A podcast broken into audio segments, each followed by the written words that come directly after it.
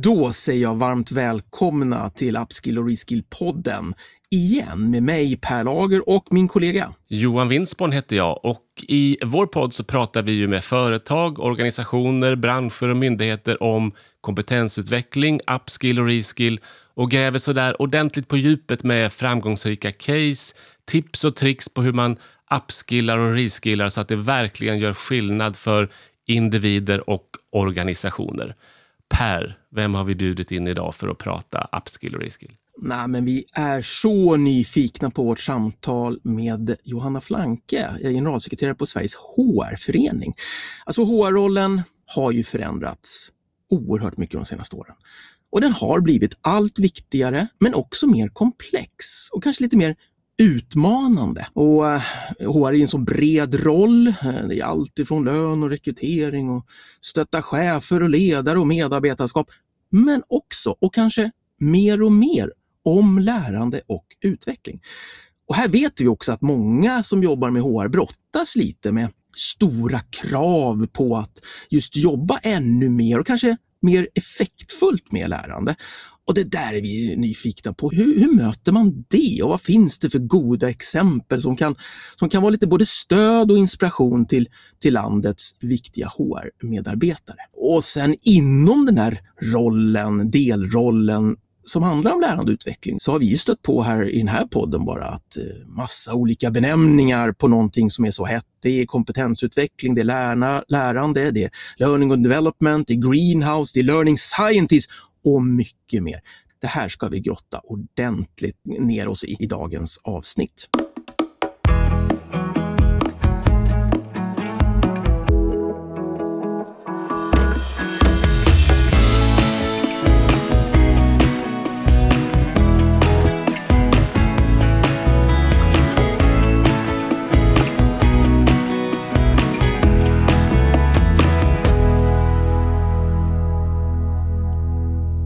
Välkommen hit Johanna, så kul att ha dig här. Tusen tack, jag är så glad att få vara här också. Innan vi grottar ner oss i allt det härliga som Per pratade om, har du lust att berätta lite mer om dig själv och din bakgrund och kanske också lite om Sveriges HR-förening för våra lyssnare så de kan sätta manegen innan vi sätter igång? Ja, men det gör jag jättegärna.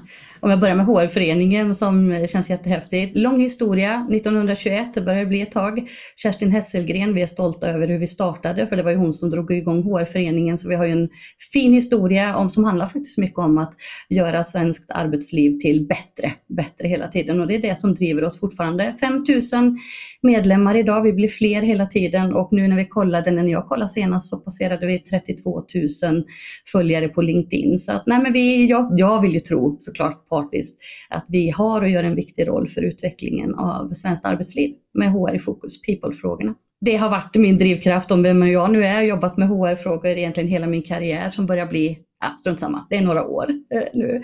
Eh, och eh, både liksom att jobba med utveckling av företag men med människan och people-frågorna i fokus, gärna på strategisk nivå eh, och göra skillnad. Så att, eh, det är min röda tråd. HR, du, jag läste en artikel om dig eh, där du beskrev att du var i en fas där du kände enbart glädje. Kan du dela med dig om det? Vad var det som bidrog till den positiva känslan och är du fortfarande där? Är det glädje som gäller? Ja men det är det nog. Jag tror att jag är det som person väldigt mycket. Min farmor sa alltid att jag föddes glad. Jag vet inte, det betyder ju inte att jag är det hela tiden men känslan jag gick in med var verkligen vilka otroliga möjligheter. Det var nog den glädjen som eh, i HR-föreningen jag kom in vilket, vilken timing. Eh, de här frågorna som vi pratar om nu, kommer prata om idag, det är ju det som kommer göra skillnad framåt för företag och organisationer i Sverige och världen. Så vi är i händelsernas centrum. Och att vi är och var på en så himla bra plats, HR-föreningen, eh, med stora kliv och utvecklingskliv. Så att, eh, därför är jag glad. Sen är inte jag glad varje dag. Då skulle mina medarbetare säga, du det är hon inte, inte varje dag, men oftast är jag det. Och idag hör vi att du är glad. Ja, det här är roligt. Mm. Jag älskar de här frågorna. Mm. Härligt. Och innan vi borrar ner på djupet så ska du få lite frågor av Per. Lite korta, rappa frågor, eller hur Per? Ja, precis. Vi startar ju med lite högt tempo här och de här kortare frågorna kan komma korta svar på. Men det kan också vara så att du känner, vänta lite, det där skulle jag vilja utveckla, så feel free. Men min första fråga till dig är, hur står sig eh, svensk eh, HR-profession ur ett internationellt perspektiv? Vad har vi för image och status eller, eller bara om du själv jämför hur man jobbar med HR? Där vill man ju svara så här, we are number one, eller hur? Det hade ju varit så himla härligt. Eh, vi står oss ganska bra tycker jag på ett sätt. Vi, man tycker att vi är intressanta, vi tänker en hel del nytt. Eh, vi vågar prova, så jag tänker det här att Sverige är en innovationsland, det tror jag också på något sätt smittar över, eller på HR-professionen, att, att man ser att vi gärna provar nya saker och sådär. Det tycker jag är positivt. Eh, vi är samarbetsorienterade, vi vill gärna titta hur gör andra samarbeta med HR i andra länder. Men sen finns det också, och det tror jag vi ska vara ärliga och säga, det finns en del undersökningar, bland annat Cranet-undersökningen som har kommit ganska nyss som visar att nej, vi behöver nog öka farten lite HR Sverige för att verkligen, om vi nu vill ha den här platsen, ligga långt fram och få ja, svenska företag och organisationer att verkligen få kraft så har vi lite att göra faktiskt att eh, steppa upp lite grann som HR-profession skulle jag säga. Bra till, men det finns en del att göra. Och då blir ju en följdfråga på det. Vilket eh, land i vilken marknad eh, kan vi se upp till som jobbar eh, extra framgångsrikt med HR? Jag skulle nästan vilja plocka ihop liksom ett land om ni förstår vad jag menar. För det är liksom vissa frågor vissa länder starkare på och så vidare. Det finns en hel del intressant eh, i Storbritannien som sticker ut. Eh, framförallt hur man tar till sig ny teknik, digitalisering, AI på HR-området. Jättespännande. Sen finns det, jag jobbade själv under en period med kollegor i Indien mycket. Så här, jättespännande hur man jobbar med talentmarknaden och, och som är, ser väldigt speciellt ut, till exempel då i Indien. Så nej, det finns många man skulle nästan vilja plocka ihop så det blev ett, ett nytt land blev svaret. Men här, olika, olika länder som man kan plocka till sig. Ja, spännande. Men eh, då ska du få en liten mer personlig fråga också. Eftersom vi ska prata om lärande och då är vi nyfikna på hur lär du dig bäst? Det har jag funderat faktiskt väldigt mycket på.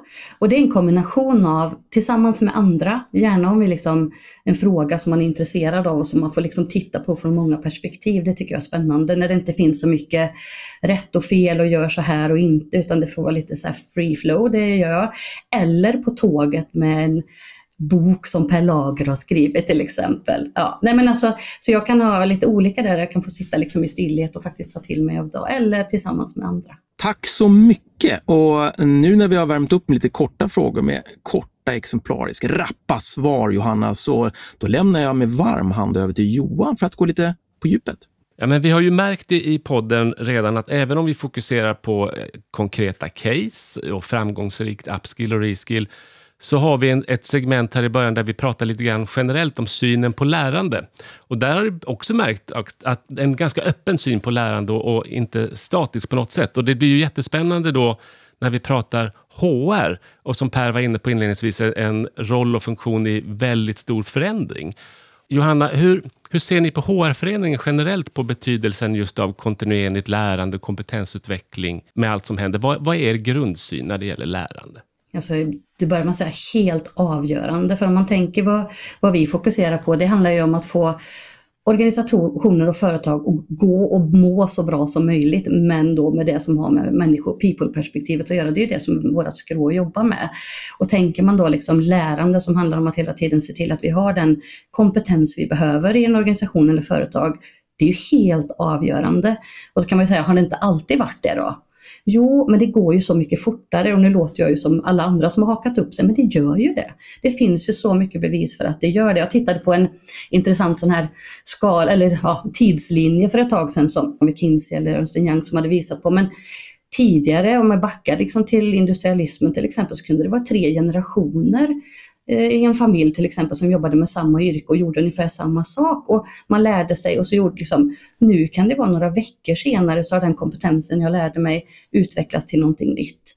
Så att jag tror, ja det är superviktigt med stora, stora bokstäver då. Eh, att lärande kommer vara en konkurrensfördel för, för Sverige.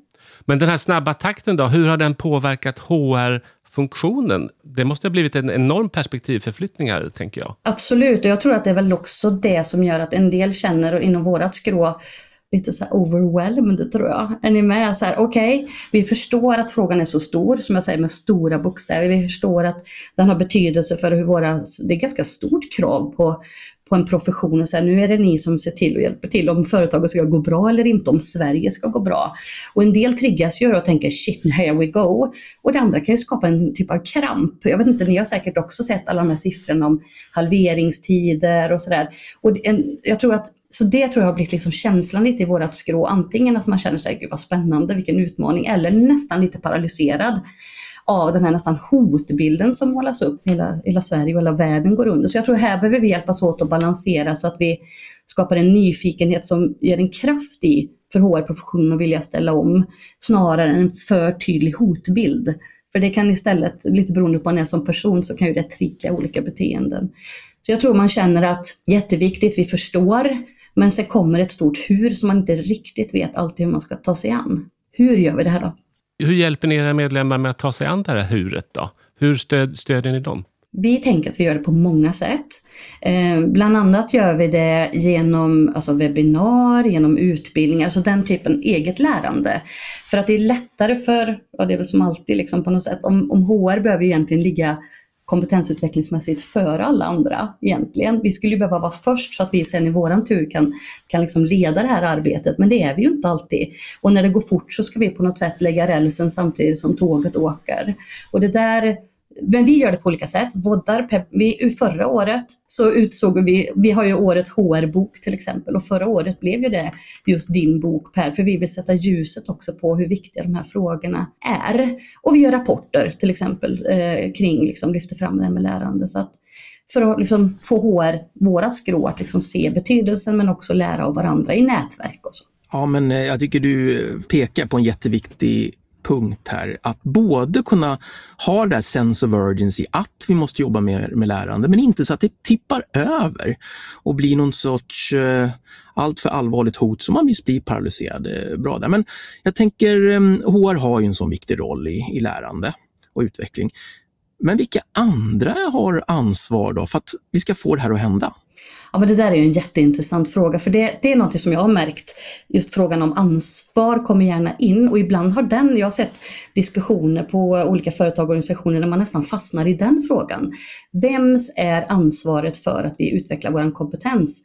Och så skickar man liksom runt den här ansvarspinnen mellan varandra, men det är nog, det är nog arbetsgivaren, eller nej, det är nog medarbetarna, eller är det facken kanske? Och tiden går ju medan man skickar runt den här pinnen, viktig tid som vi borde använda för att utveckla kompetensen. Och där har jag sett förlösande ibland när man säger okej, okay, vi släpper pinnen då, ansvarspinnen och funderar på vilka olika roller har vi? Eh, istället. Och då händer det någonting i dialogen. Så, ah, vi kan ha olika roller, alla måste göra någonting. Arbetsgivaren behöver absolut ta ansvar såklart, eftersom det är helt avgörande. Men det måste jag som medarbetare också göra. Facken har en superviktig roll för att skapa den här känslan av att vi behöver göra en, sån, en förflyttning till exempel. Så att, tänker vi mer vilka olika roller spelar vi i det här viktiga spelet snarare än skicka runt ansvarspinnen. Det tror jag att vi den tiden har vi inte. Vi hinner inte skicka runt den där pinnen så många varv. Vi måste göra. Och då får man ju naturligtvis på något sätt ta ett delat ansvar lite grann också. Precis så. Skiljer det sig hur man måste tänka kring lärande när man stöttar medlemmar som förening och när ni jobbar internt med kompetensutveckling? Hur är det med HR-skrået så att säga? Hur duktiga är ni själva i föreningen på att jobba med lärande? Och nu börjar det klia överallt. Nej, men alltså det där är en fråga. Jag var på, höll en föreläsning bara förra veckan faktiskt, just det. Att eh, vi, jag skulle säga, eh, med risk för att mina, mina medkollegor då, eller HR-skråt blir arg på mig, men vi, vi har som skrå haft en tendens att nej men vi hinner inte riktigt nu för vi måste hjälpa verksamheten med det här eller vi måste stötta verksamheten med det här. Och så gör vi en lista. Det där borde jag ge till mig själv men det sätter jag längst ner på listan. Vi har en Eh, tendens, och det är väl fint, vi stöttar eh, ofta. Liksom. Och då viftade jag med Stefan Einhorns bok till det här gänget och sa, den konsten att vara snäll om ni har läst den. Men blir det så snällt då? Om vi hela tiden sätter oss själva som HS-grossist på listan som behöver utvecklas. Eller är det faktiskt inte så snällt eftersom vi då gör oss själva mindre bra för verksamheten på lång sikt? Så att eh, nej, jag skulle säga att här finns det lite mer att göra, att vara lite mindre snälla. Nu ser ju inte de som lyssnar att jag gör med citationstecken, men ni förstår. Eh, att faktiskt långsiktigt hållbart utveckla oss själva. Ehm, jag har ett, ett roligt exempel. När jag var HR-direktör på RISE så hade jag en mapp på min dator liksom, på skrivbordet när man inte ska spara saker, ni vet, det hade jag. Och den hette intressant läsning. hade jag döpt den mappen till. Och det la jag saker när det dök upp någon intressant podd eller rapport, sånt som jag skulle läsa sen, för det här var så viktigt. Jag öppnade inte den mappen under de fem åren jag var där. Betyder det att jag inte lärde mig något? Nej, självklart inte. Men ni vet det där, det handlar lite om att man sätter andra saker eh, före sitt eget utveckling. Och det kommer inte vara bra för företagen om HR, om vi sätter oss själva sist där i kön. Men hur gör man då? Hur, hur tar man sin egen tid och stoppar fram sig själv i kön då och då? Hur, har du något tips för det? Ja, men bara göra. Det här låter jättekonstigt, men det är faktiskt det är min erfarenhet att bara göra. Där har man som HR-chef, om man nu har flera HR-medarbetare, ett jättestort ansvar att se till, likadant som man ska göra i en organisation, skapa en lärande organisation i HR-organisationen. Visa själv att, vet ni vad, jag har faktiskt läst de här artiklarna i min intressanta läsningsmappen. Eh, eller nästa möte vi ses, ska vi ta och, och ska vi läsa Pers bok kanske och prata om lärande som ett exempel. Alltså det handlar om precis samma, vad ska jag säga, det vi själva lär, lär ut att vi ska göra om lärande funkar precis på samma sätt till oss själva. Men gör och visa att vi gör. Tack Johanna, jättebra samtal om lärande lite mer generellt. Men Per, vad, ska vi gräva vidare i konkreta case? Ja, men vi är ju podden som gillar case och vi vet att lyssnarna både gillar men framförallt behöver case. För ibland är man lite ensam där ute, Johanna, eh, när man ska jobba både med sitt eget lärande och få det där som man vill ska hända att hända, men också driva lärandet tillsammans och med alla andra. Så mm, när vi kommer in på case, vad skulle du vilja lyfta upp från din egna långa erfarenhet inom HR eller kanske någonting från medlemmar eller både och? Men det kanske blir lite både och. Jag har ett jag ska säga, ett lärande som jag själv har gjort som jag tyckte var så roligt och som jag tror blev väldigt bra. Eh, och det var när jag under den perioden som jag jobbade på RISE så jobbade vi för att verkligen skapa den här känslan av lärande och förstå vilka kompetenser som behövs framöver så jobbade vi väldigt nära ihop. Det var inte så att HR satte sig på sin kant och tog fram, ni vet, så här ska, så här ska organisationen jobba. Utan hela idén om hur vi skulle jobba gjorde vi liksom i ett, vad ska man kalla det, som ett som en läranderesa i sig. Eh, och vi jobbade väldigt nära till exempel UX-designers som jag tycker är ett sånt underbart skrå att få jobba tillsammans med också. Så istället för att vi pratar lite HR people-språk som vi gärna gör, ni vet, liksom, och så började vi prata om kompetens som, eh, som en värld och att det var världsdelar som var liksom på stora kompetensområden, så fanns det länder och så vidare. Och så med hjälp av de här UX-designerna som sa vi måste skapa den här nyfikenheten och språket som inte liksom blev HR funktionens språk utan organisationens språk. Och då plötsligt började vi prata om kompetenser med lust på ett helt annat sätt. Och jag vet, vid ett tillfälle hade vi en dialog med facken och så var de sa att men titta det är ju en stackars medarbetare i havet där eftersom vi hade den liksom bilden. Och det var ju helt klockrent för det var en kompetens eller en medarbetare i havet och då var vi tvungna att titta på, men herregud, antingen måste vi åka och hämta, vi får hitta någon form av båt då, i den metaforen och hämta den medarbetaren så att den får den kompetensen den behöver för att komma till, till land. Eller också har ju den hittat en ny ö som inte vi visste fanns. Vad spännande! Och då började vi titta på det som, ja men det kanske är så att det är en kompetens som vi faktiskt inte ens visste att vi inte behövde. Och ni vet hela det här. Och så skapades det en dialog som blev nyfikenhet eh, och sådär. Så att jag tror, min takeaway är ju att låt oss när vi pratar om de här frågorna jobba ihop med andra professioner också, till exempel UX-designers, för det här var så roligt. Så att vi skapar lust kring lärandet, för det tror jag är jätteviktigt. Finns det exempel inom HR, våra medlemmar, hur många som helst. Så det gör det ju, där man liksom försöker på olika sätt liksom förflytta sig. Och där har vi massa spännande eh, också case förstås. Men jag vill eh, komma med en följdfråga där. Eh, för att um, det här är ett bra exempel just på vardagslärandet. Att uh, kanske då när man jobbar i liten stor organisation, RISE är ju en stor organisation, där man har möjligheter att just lära sig av helt andra avdelningar som kanske står en bit ifrån varandra. Superinspirerande att höra. Men du kom också in på det här med behov och hitta behov. Vad är det för behov vi har i organisationen? Vad är det för behov vi har individuellt? Hur jobbar man effektfullt med behovsanalyser då, eh, Johanna? Vad finns det för exempel där? Alltså den som kan svara på det tror jag kommer vinna mycket pengar. För jag tror att det är någonting som, och det har ju ni säkert gjort också, HR under många år, så här, hur gör man det där? Hur får man liksom eh, framtidsanalysen, scenarioplaneringen också innehålla kompetens? För det är det jag tror det handlar om. Jag, jag tänker tillbaka när jag jobbade för ganska många år sedan i Volvo-koncernen och vi då var fokus från HR, hur ska vi ta businessstrategin och göra en kompetensstrategi av det? Idag skulle jag inte ens vilja uttrycka mig på det sättet. Jag skulle säga så här, hur får vi kompetens tydligare och vara en del av strategin? Det ska inte vara någon sån här sidovagn till strategin. Och det är väl det som är frågan. Alltså, allting vi gör, oavsett om vi ska titta på vilka affärer företaget får i framtiden eller hur vi ska möta, det kan ju vara ett sjukhus, hur vi ska liksom möta patienterna på bättre sätt. Allting som är farmatorienterat är ju inte lätt för det handlar ju om att vi ska fatta beslut om något som inte har hänt eller tro på någonting. Men här behöver vi blanda in kompetensfrågorna tydligare och det kan HR bidra med. Så dialogen i en ledningsgrupp eller i en styrelse faktiskt får mer fokus på vad är det för kompetenser vi tror framåt liksom, eh, behövs. Så att inte det blir en sidovagn. För allt det där hänger ihop sen att okej, okay, när vi vet vad vi tror på, ja då kan vi också liksom koppla på lärandet. Och sen är människor så otroligt smarta. För de är ledning för ett sjukhus eller företag börjar prata om, även om de inte vet, säga att dit bort någonstans tror vi att vi ska. Och vi tror att det är de här kompetenserna som behövs. Vi människor är ju så smarta.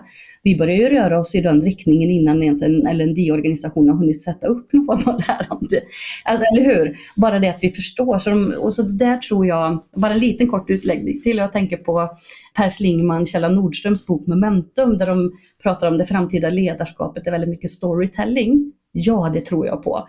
För ju mer vi gör det som ledare vad vi tror ska hända, få med oss medarbetare och så börjar man kompetensutvecklings också lärande röra sig i den riktningen.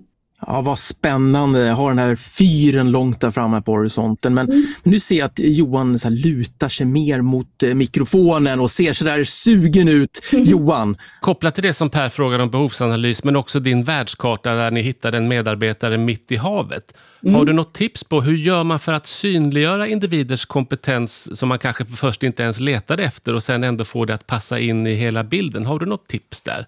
Det tror jag tipsen ligger ganska mycket nu och framför oss om jag ska vara ärlig när jag ser på vilken teknik som kommer. Där har jag inte alla svar. Jag är mest nyfiken på att se hur, ja, men hur AI, våra liksom big data, för här tror jag vi har de stora svaren framför oss. Jag har själv varit med och byggt upp liksom system tidigare som blir extremt trögrörliga liksom databaser där alla ska lägga in sin kompetens och så ska någon tvinga dem att uppdatera det med jämna mellan. Alltså ni vet hela det här långsamma, det tror jag är förbi, liksom. det ligger bakom oss. Så just det här och, att vi ska synliggöra kompetens och så, det tror jag vi har det mycket framför oss med AIns hjälp och, och men också skapa den här lusten att dela, visa upp vad jag kan. Um, så, så där finns det många goda exempel men här tror jag vi har de stora spännande grejerna framför oss faktiskt. Och då vill vi passa på att tipsa både dig och alla lyssnare om World Economic Forum arrangerade en paneldiskussion här i början av maj om precis det här. Man pratar om så här micro-credentials och hur man tillsammans mellan utbildningssamordnare och organisationer kan försöka hjälpas åt och, bli konkret på vad är det för konkreta faktiska kunskaper man ska kunna och att man hjälps åt att validera eh, den kunskapen när man har gått igenom ett, ett, ett lite kortare koncisa program. Det är ett väldigt spännande paneldiskussion. Men Ja, nu har vi fått eh, redan så mycket att eh, reflektera över så jag tror att det är dags för lite hjälp att just reflektera, smälta det här. Och det gör vi ju tillsammans med vår eminenta kapellmästare Ann Winsborn.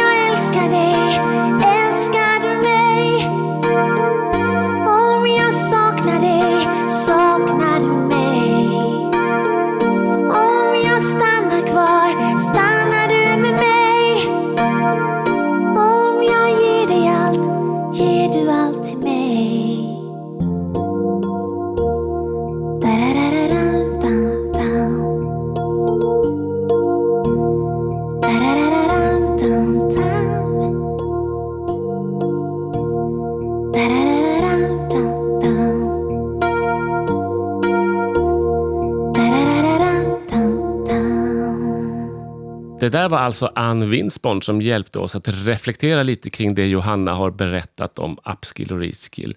Men Johanna, du nämnde också att det fanns en del case, eller många case från, naturligtvis från medlemsbasen och ni har ju väldigt, tänker jag, olika storlekar på medlemmar såklart och sådär.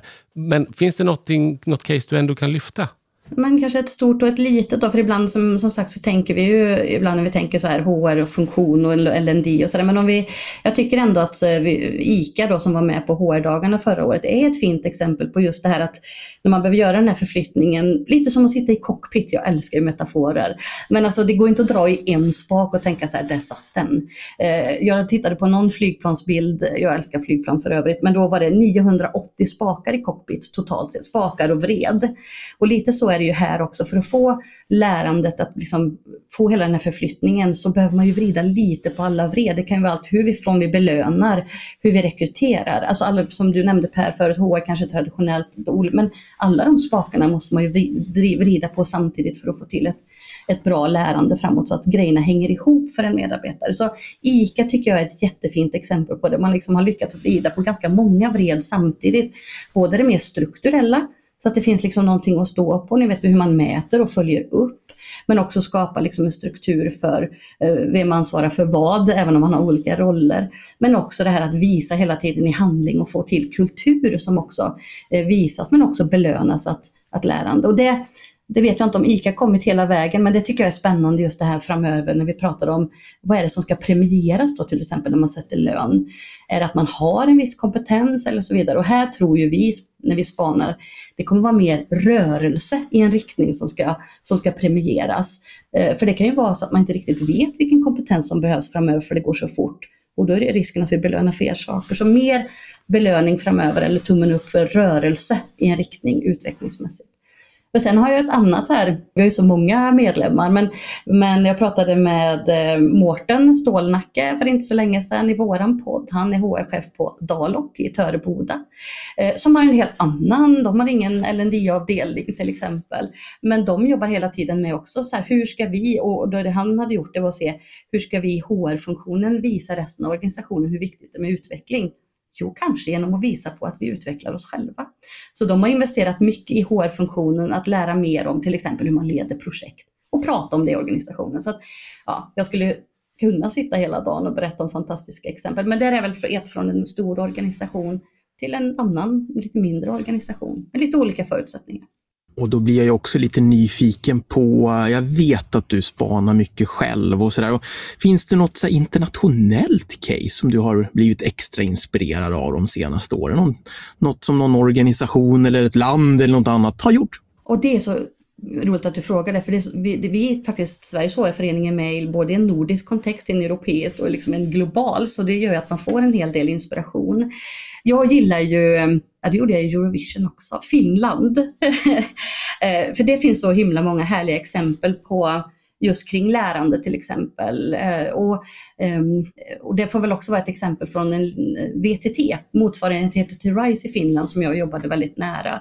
De jobbade ju med liksom, till exempel, mm, vad kallade de det för på engelska? Det spelar ingen roll. De, de eh, awardade, lyfte fram saker som har gått fel. Och jag, hela den här idén om att liksom våga, för jag tror det kommer vara svårt att utveckla precis rätt kompetens i precis rätt tillfälle framöver. Då är man nog jag vet inte vad. Men också våga testa, så här, det här blev helt tokigt, vad spännande. Vad lärde vi oss av det?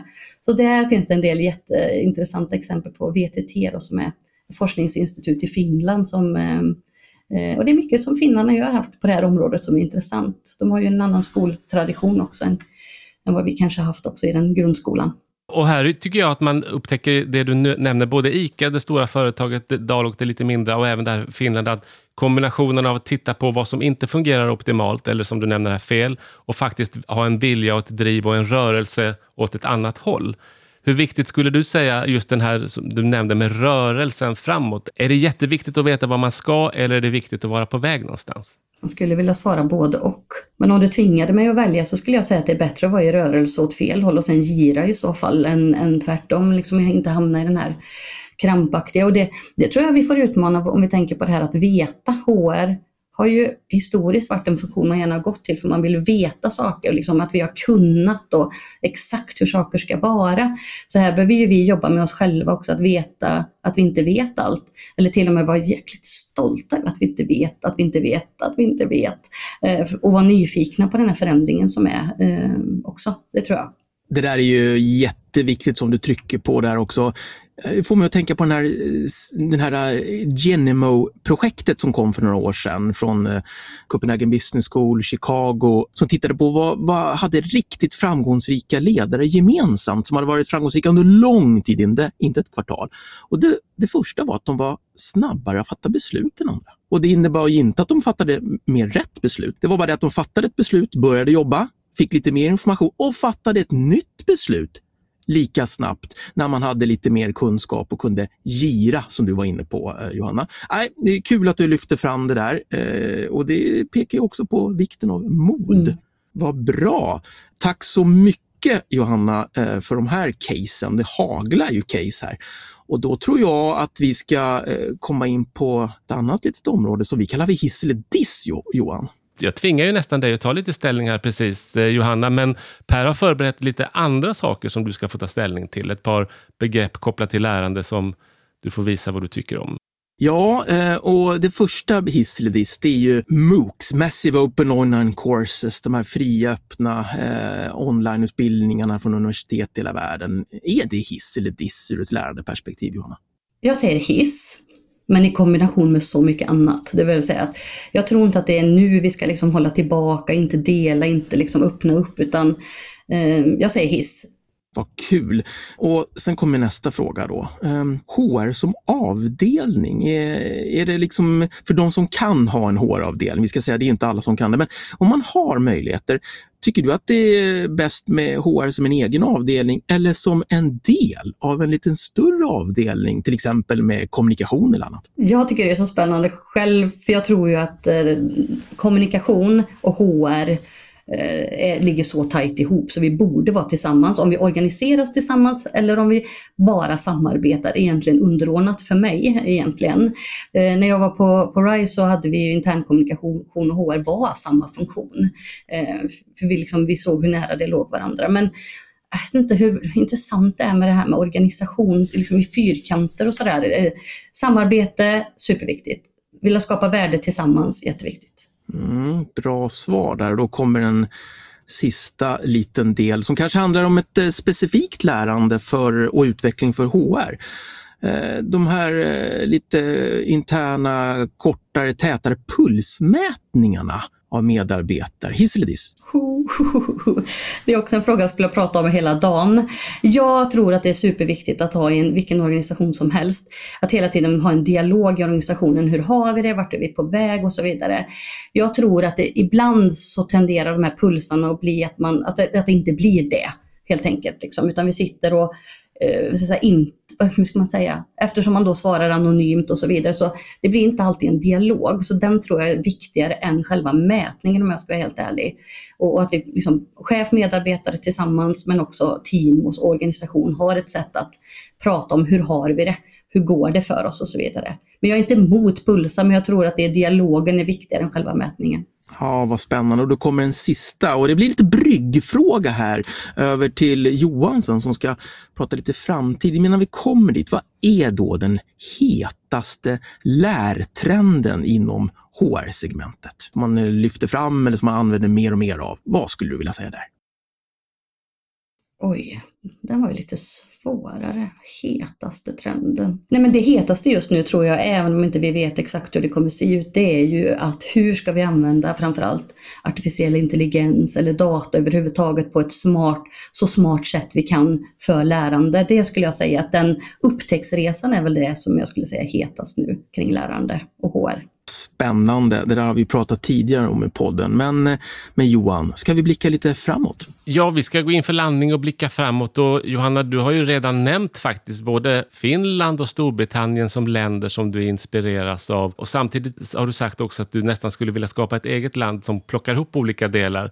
Men finns det några andra länder som du känner att här finns något riktigt bra att ta av som vi kan bygga vidare på? Nej, men jag tror, och det, det, det, är svårt att svara på det eftersom all, det är så många som är på samma upptäcktsresa nu på något sätt. Så att säga att de här har liksom kommit ut på någon andra sidan och har svaret på frågorna, det tror jag inte. Utan jag, jag tror att det handlar om att lära tillsammans med andra och tänka sig vad spännande. Min organisation är lite lik någon som finns i, jag skulle till exempel möta här i veckan med en kollega i Turkiet. Eh, och, och, att man då tittar på, ja ah, men okej okay, vad intressant, vad har vi för någonting vi skulle kunna utforska tillsammans? Så jag tror att vi är i en sån era nu, det är liksom ingen som är, har något klart, så här ska det se ut, utan snarare koppla ihop er med andra på lärresan om lärande. Eh, och kanske någon där man liksom, samma bransch, ja, där man kan liksom relatera till varandra kanske lite enklare och sen spåna tillsammans. Jättebra svar. Och just det här tillsammans-tänket, när det händer så mycket nytt, det blir oerhört värdefullt att man, som du säger, spånar tillsammans. Som en sista fråga då, vad är dina egna visioner och mål när det gäller kompetensutveckling och upskill och reskill framåt? Finns det något särskilt område eller initiativ som du brinner extra mycket för? Du har ju nämnt AI och du har ju nämnt eh, det här inspiration och tillsammans-tänket. Finns det något särskilt du vill lyfta innan vi avslutar? Ja, men en, en, ambition är ju att man, att om vi bara liksom, nu är vi tillbaka i Sverige och Sveriges organisationer och, och, företag. Jag skulle ju önska att man såg de här frågorna kring people, kring lärande som en hållbarhetsfråga mycket tydligare. Så att de här frågorna får mycket större plats till exempel i styrelserummet. Eh, inte att HR, och det är inte alltid så, men vi ser tyvärr eh, liksom att det är för lite HR, people-kompetens i styrelsen, så frågorna blir väldigt, eh, HR kommer en gång om året och drar lite personalstatistik. Alltså vi har inte råd med det. Jag skulle vilja att man såg de här frågorna som en hållbarhetsfråga, som vilka andra hållbarhetsfrågor som helst, så att vårt företag och organisation klarar sig på över tid. Och då är det liksom hur, kunna följa upp, hur då ser lärandet ut och också ställa krav blir det ju på styrelsen indirekt och ledningen att våga peka ut den här riktningen eller vara de här storytellers för vår organisation, vilken kompetens som behövs. Så, så det tror jag kommer göra stor, stor skillnad. Liksom. Sätta people och då med det då learning-frågorna i strategiskt koncept, gör dem till hållbarhetsfrågor in i styrelserummet, fatta viktiga beslut. Eh, så att Sverige, liksom, för det här handlar om konkurrens, eller hur egentligen? Konkurrens om kompetens, konkurrens, att vi fortsätter att utveckla och vara ett innovativt land. Så alla tycker frågorna är så viktiga, då är det dags att ha in dem i styrelserummet också, säger jag. Johanna, vilken fantastiskt bra slutkläm på vårt samtal, eller vad säger du Per? Ja men Johanna, man kan väl säga så här att HR eh, har aldrig varit viktigare än idag eller kanske ännu viktigare imorgon. Så jag säger så här, ni är en viktig kraft.